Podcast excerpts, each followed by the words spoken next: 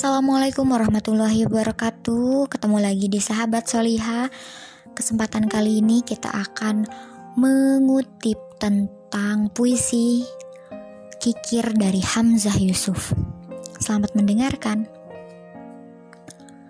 Nah kemudian menolak memberikan apa yang wajib menurut syariah atau yang wajib menurut marwah adalah inti dari sifat kikir yang telah disebutkan di antara penyakit hati. Adapun kewajiban syariah adalah seperti membayar zakat, memberi nafkah atas tanggungan, memenuhi hak-hak orang lain, dan meringankan orang yang kesusahan. Di antara contoh marwah kebajikan adalah tidak mempersoalkan hal-hal yang remeh. Menghindari hal ini bahkan lebih penting sehubungan dengan tetangga, kerabat, atau orang kaya. Atau ketika menerima tamu atau berkaitan dengan sesuatu di mana perilaku seperti itu tidak pantas.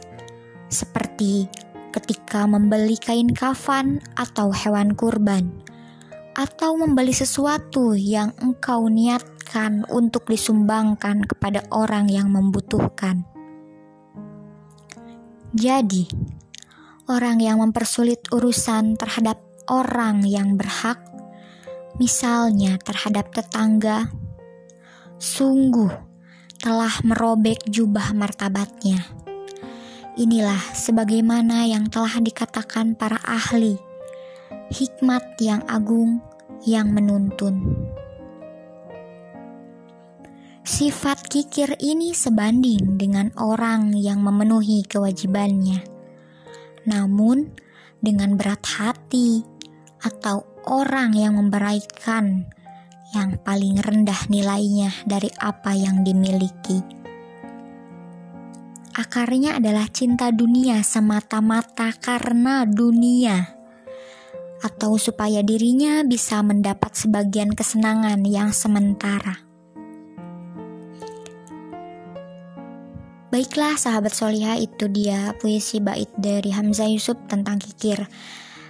Di dalam bait tersebut kita terdapat poin yang dapat kita ambil hikmahnya bahwa Sifat kikir ini intinya kita tidak ingin memberikan sesuatu hal terbaik untuk orang lain.